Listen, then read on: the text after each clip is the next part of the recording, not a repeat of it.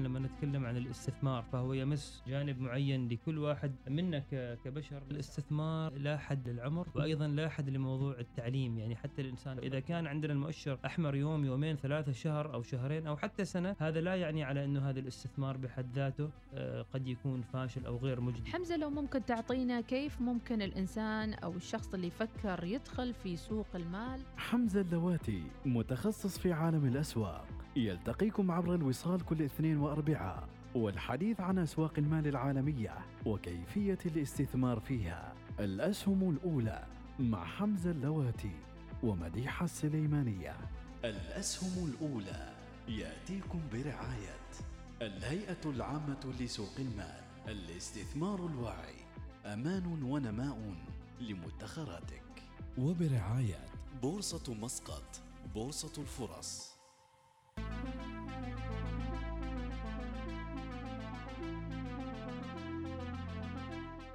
بسم الله الرحمن الرحيم. أجمل التحايا لكم متابعين حياكم الله. أينما كانت وجهتكم تستمعون وتتابعون برنامجكم الأول الأسهم الأولى الذي يتحدث عن كل ما يتعلق بأسواق المال وأيضا التداولات وأيضا يعرفكم بهذا العالم الذي ربما لفترة طويلة بالنسبة لنا كمتابعين آه، في سلطنة عمان. كنا نعتقد أنه بعيد عنا وأنه المعلومات يمكن تكون غامضة بالنسبة لنا. ولكن الحمد لله منذ أن بدأت حلقات الأسهم الأولى آه، يعني كثير من الأمور الغامضة مصطلحات الجديدة أصبحت واضحة لدينا وصرنا ربما متمكنين بشكل أكبر من معرفة وتحليل أسواق المال. حمزة حياك الله معنا ومرحبا فيك في حلقة جديدة. المشاهدين والمستمعين عبر أقطار العالم. مرحبا. الخليج العربي العزيز إلى اقاصي شمال أفريقيا. مس- كثير عندنا أيضا مستمعين من هناك. نوجه لهم تحية. نعم إذا مستمعينا لهم تحية من دول الخليج المختلفة وأيضا يتابعونا على اليوتيوب والبودكاست وأيضا على Spotify أعداد المستمعين والمشاهدات تزداد يوم بعد يوم وإحنا فخورين حقيقة بهذا الإنجاز ودائما نتحمل مسؤولية يمكن حمزة بشكل أكبر أن نعطي معلومات متجددة أيضا في هذا المجال. فكرة البرنامج كانت ولا زالت هو نشر الوعي في المجال الاستثماري ونشر الثقافة ومساعده أكبر عدد ممكن من الناس لكي يأخذوا بأيديهم لكي ربما يكون الاستثمار مصدر دخل إضافي لهم بإذنه تعالى. إذا ما هو موضوع حلقتنا لليوم وعن ماذا سنتكلم حلقتنا اليوم كما عودناكم دائما حلقاتنا تناقش في صلب الواقع ونحن الآن أمام يعني دخلنا في مرحلة نسميها تقنيا في الأسواق المالية السوق الهابط أو ما يسمى باللغة الإنجليزية بالبير ماركت السوق الهابط يا أم أحمد هو عندما تنزل وتنهار المؤشرات تنزل الأسهم وتنزل المؤشرات العامة بنسبة أكثر من 20% وهذا اللي حصل معنا في ناسداك وحصل أيضا في مؤشر شنغهاي وحصل أيضا في مؤشر هونغ كونغ يعني معظم الأسواق العالمية في مرحلة انهيار حتى كذلك في أوروبا طبعا انهيار أسبابه متعددة مم. وأسبابه كثيرة وما. ما يصير فجأة فالانهيار في وضعنا نحن بدأ تقريبا من ديسمبر يعني من ديسمبر 2021 نهاية السنة الماضية بدأ السوق ينزل قليلا فقليلا ولكن ما حد كان منتبه لهذا النزول لأنه ما كان نزول قوي نعم. إلى أن أتت ال- الأزمات المتتالية الأزمة الأوكرانية الروسية ارتفاع أسعار النفط الكبير آه، وأيضا ال- ال- ال- ال- التأثيرات الاقتصادية في موضوع التضخم في الولايات المتحدة وأوروبا ودائما يقولوا لما المصيبة تجي المصايب كلها تجي يعني متتالية. متتالية فهذا. أيضا أدى إلى يعني آخر ثلاث أسابيع شهدنا أو آخر شهر انهيار كبير وسريع لكثير من الأسهم. على سبيل المثال سهم فيسبوك قبل شهر ونص كان 315 مهم. بعدين وصل ل 220 الآن وصلنا إلى 180 حتى وصل ل 170 مم. على سبيل المثال سهم علي بابا هو طبعا بادي ينزل من السنة الماضية بعد ما كان على 240 مهم. وصل إلى 100 160 ومن بعدها إلى 100 والآن وصل إلى الثمانينات وحتى وصل للسبعينات. فنجد على إنه أسهم شركات كبيرة شركات قوية شركات لا تشكو من شيء.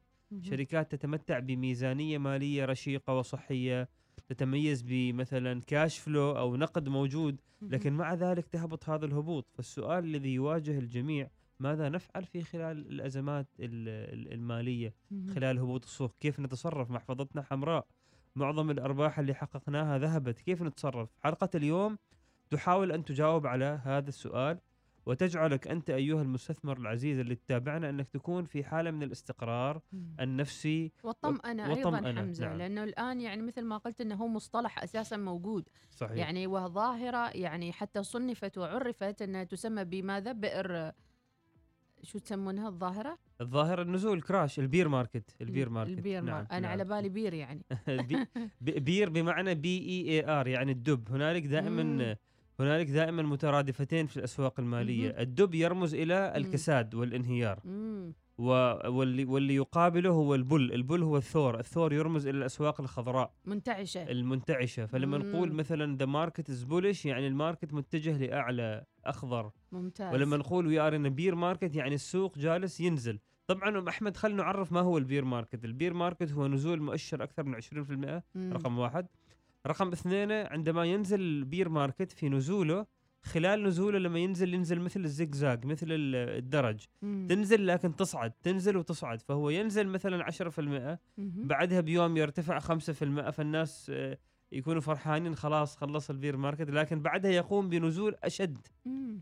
ف ف فالنز... ف ف فالقيمة تكون دائما هابطة ودائما نصل إلى قيعان جديدة ما. يسمى باللغة باللغة الإنجليزية lower lows and lower highs مم. فمثلا سهم فيسبوك كان على 315 نزل ل 300 ارتفع على 306 وصل ل 280 وهكذا إلى وفي أن فترات متقاربة ممكن نقول في فترات عنها. قد قد يأخذ هذا ال- الموضوع شهر قد يأخذ شهرين. وتحليل ما منطقي لنزولها أصلا. يعني إنه ما تقدر تربطها م- بشيء م- معظم معين. النزول أو ال- أو الصعود اللي يحصل في ال- المدى القصير في الأسواق ما يكون معقول أو منطقي بالاعتبارات المالية، يكون مم. مجرد عبارة عن خوف أو قلق نعم. لدى المستثمرين، يعني على سبيل المثال الآن نحن لما نجد الأزمة الأوكرانية الروسية كثير اسهم ما لها علاقة.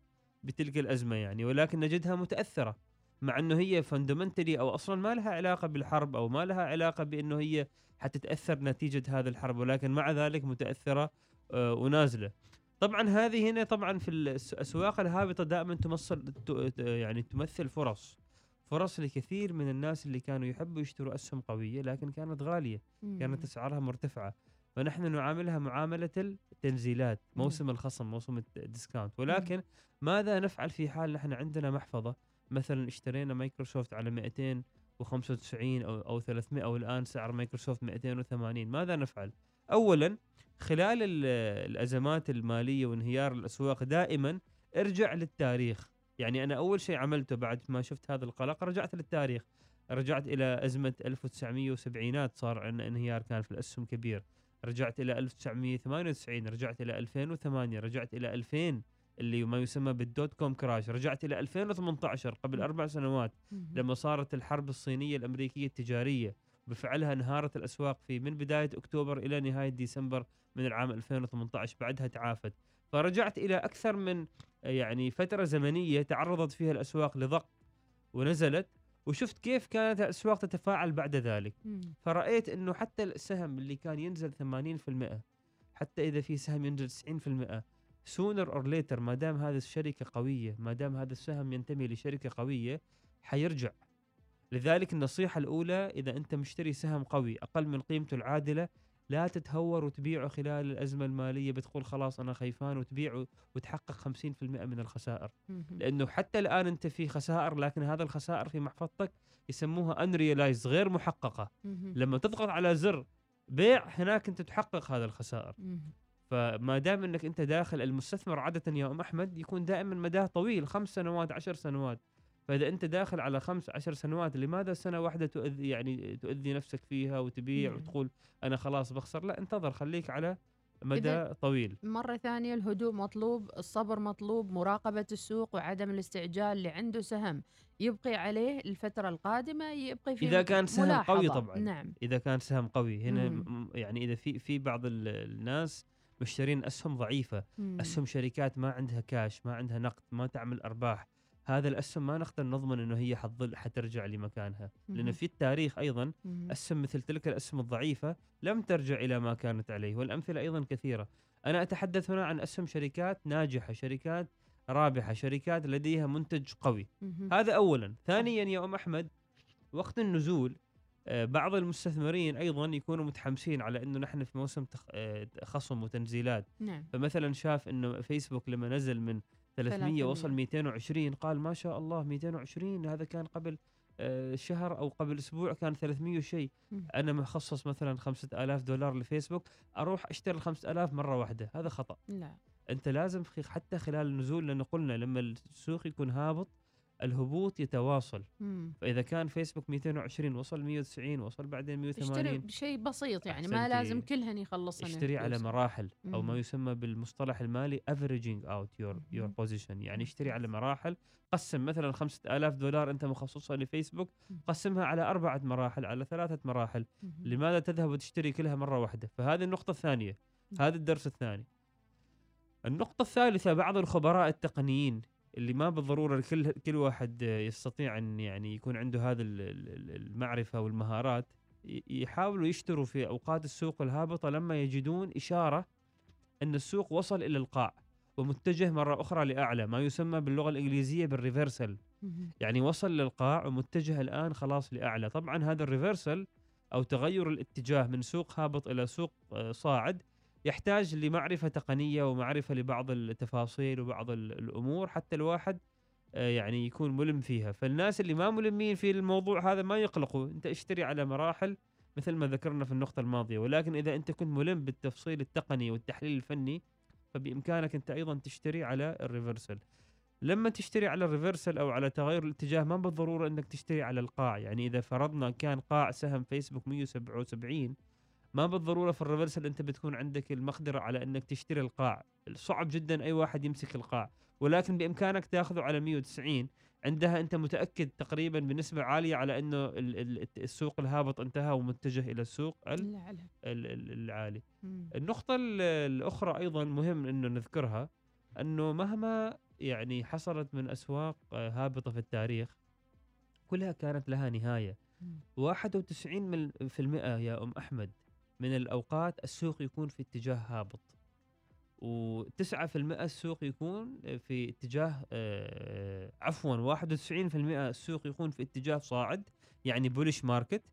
معظم الأوقات وفقط 9 أو 8% السوق يكون في اتجاه هابط. فلا بد لليل يعني أن ينجلي نعم يعني نقولها. مؤقتة من يعني هذه الفترة المؤقتة قد مم. تكون سنة قد تكون شهر قد تكون شهرين قد تكون سنتين. في في فترات مالية مرت في الكساد أو الهبوط في الأسواق مرت سنتين ولكن الخبر الطيب إنه تنتهي في النهاية طيب ماذا عن آه، هؤلاء اللي اشتروا بكميات كبيرة فترة ال- نقول عنها الرخاء أو فترة ال- الانتعاش اللي استوت قبل سنتين بسبب كورونا يعني فترة كورونا جعلت كثير من الناس يلجؤون إلى التداول أو التواجد في الماركت وإلى مغريات كانت كبيرة صحيح اليوم أغلبية هذيلا من شباب أو من طلبة جامعة أو غيره يشعروا بالصدمة أول مرة يواجهوا هذا هذه. الظاهرة صحيح صحيح ركود صحيح. يعني. طبعا هؤلاء آه، يعني كثير منهم للأسف خسروا كل أرباح اللي قاموا فيها في فترة كورونا مم. فإذا كان هنالك درس نتعلمه والحياة دروس على إنه لا مهما صار مهما صار بامبينج في السوق مثل ما نسميه أو أو زيادة في السيولة أو ارتفاع جنوني لأسعار الأسهم. لابد للأصول لابد للأساسيات السوق أن تتغلب في الوقت ال- ال- المدى الطويل. فهؤلاء نصيحة إذا أنت ماخذ مثلا قرض أو ماخذ ليفرج أو ماخذ رافعة مالية تخلص منها اولا. أول شيء تسويه لا تعتمد في استثمارك على رافعات مالية أو على ليفرج استثمر بالمبلغ الذي تملكه. ثانيا إذا عندك أسهم على سبيل المثال أنت عامل موازنة المحفظه كل سهم 5% فإذا عندك سهم أكثر من 5% من المحفظة أو أكثر من 4% من المحفظة المبلغ الإضافي لتلك الأسهم بيعه.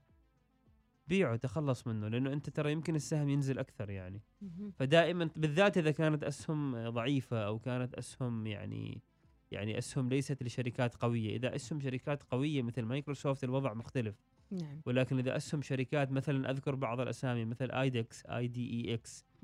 F S L Y كثير من أسهم Cathie Wood هذه الأسهم وصلت إلى القاع ووصلت إلى يعني مستويات متدنية جدا. فينبغي الواحد يوازن محفظته يستغل أي ارتفاع حاصل في السوق اليوم مثلا عندنا ارتفاع حاصل في السوق. الهونغ كونغي وكذلك آه، بإذن الله في السوق الأمريكي نستغل هذا الارتفاع إنه نتخلص من الأسهم اللي نحن زائدة عن النسبة المئوية اللي محددينها لكل سهم. نعم. لأنه السوق ممكن ينزل بشكل أكثر وأعمق. نعم. ماذا عن يعني مؤشرات الأسواق صباح هذا اليوم؟ هل لاحظتم أي تغيير إن كان صعود أو نزول صباح هذا اليوم خليجيا أو نعم صباح هذا اليوم آه، طبعا مؤشر هونغ كونغ آه، يعني جالس يشهد أدنى وأشرس هبوط له في التاريخ. زين طبعا أمس كان نازل 5% مهم. أو 6% نعم. نزول يعني مخيف جدا اليوم ارتد لأعلى. ارتد لأعلى ومرتفع تقريبا اليوم ال HSI حوالي 8% ولكن تقنيا لا زال هنالك إمكانية لكي ينزل أكثر يعني ما نقدر نقول على أنه هذا هو القاع ولكن الارتفاع اليوم آه، ارتفاع آه، جيد ووصل إلى 19887 نقطة. هذا الهونغ كونغ. طبعا السوق الأمريكي يوم أمس اللي هو كان يوم الثلاثاء. أيضا ناسداك ارتفع 2% وال S&P تقريبا 1.5% فإذا ظل إذا إذا إذا رأينا أم أحمد على الأقل ثلاث أربع أيام متواصلة.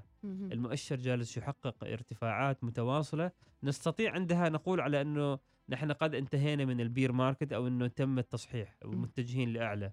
على أي سهم يركز حمزة اللواتي عندما يستيقظ صباح كل يوم على سهم معين على market معين تتجه إليه شوفي أنا الصبح؟ براويش وهذا ال- الكاميرا هذه هذه هذه ال watchlist مهم. أنا أركز على المؤشرات السوق الأمريكي مم. الهونغ كونغي أما عن الأسهم فهذه الأسهم التالية أنا أركز عليها مم. أركز على سهم علي بابا على سهم مايكروسوفت على فيسبوك آه، كذلك على سهم آه، شركة ديزني سهم شركة آه، شركة تسمى بنترست ذكرنا عنها سابقا. هذه من الأسهم الخطيرة لكن لا زلت أتابعها مهم. اركز كذلك على سهم شركة جوجل هذه شركات قوية مم. دائما أحاول أن مؤشرات الحمراء اليوم آه، أو في مسقط مؤشرات خضراء وجيدة على ما يبدو آه، لمؤشرات البنوك آه، مرتفعة مؤشرات الصناعة كيف تحسها والمؤشرات الأخرى مؤشرات الأسواق الخليجية وبورصه مسقط مقارنة مع الأسواق العالمية فالضرر أقل بكثير وم- ومن لم نشهد ذلك الانهيار الذي حصل لذلك من المهم تنوع المحفظة بين. كل قطاعات الأسواق ليس فقط إنك ت- تضع محفظتك في أمريكا أو فقط في الصين. تنوع بين ال- القطاعات الجغرافية في الأسواق الناشئة أيضا جيد وإن شاء الله الحلقة القادمة يا أم أحمد نتكلم فيها عن موضوع لماذا ننصح أن نستثمر أو أن ننشئ محفظة في بورصة مسقط. هذا بيكون عنوان حلقتنا القادمة إن شاء الله. بإذن الله. نتجه. لسوقنا المحلية. نحاول أن نوجد فيها أيضا آه، نوع من السيناريو الواضح للمستثمر العماني أو نعم. حتى للراغبين في الاستثمار. هكذا نوصل إلى ختام الحلقة لليوم. شكرا لك حمزة. تحدثنا عن الدب عن الركود وعن آه، البولي.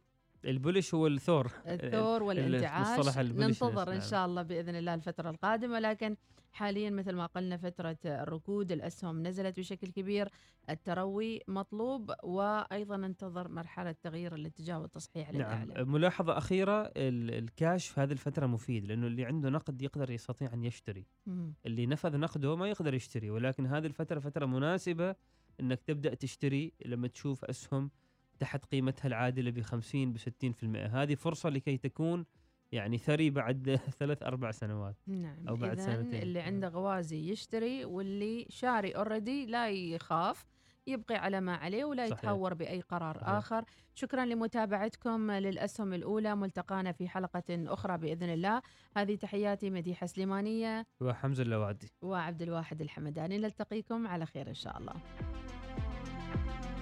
لما نتكلم عن الاستثمار فهو يمس جانب معين لكل واحد منا كبشر. الاستثمار لا حد للعمر وأيضا لا حد لموضوع التعليم. يعني حتى الإنسان إذا كان عندنا المؤشر أحمر يوم يومين ثلاثة شهر أو شهرين أو حتى سنة هذا لا يعني على إنه هذا الاستثمار بحد ذاته آه، قد يكون فاشل أو غير مجدي. حمزة لو ممكن تعطينا كيف ممكن الإنسان أو الشخص اللي يفكر يدخل في سوق المال؟ حمزة اللواتي متخصص في عالم الأسواق. يلتقيكم عبر الوصال كل اثنين وأربعاء والحديث عن أسواق المال العالمية وكيفية الاستثمار فيها. الأسهم الأولى مع حمزة اللواتي ومديحة السليمانية. الأسهم الأولى يأتيكم برعاية الهيئة العامة لسوق المال الاستثمار الواعي. أمان ونماء لمدخراتك. وبرعاية بورصة مسقط بورصة الفرص.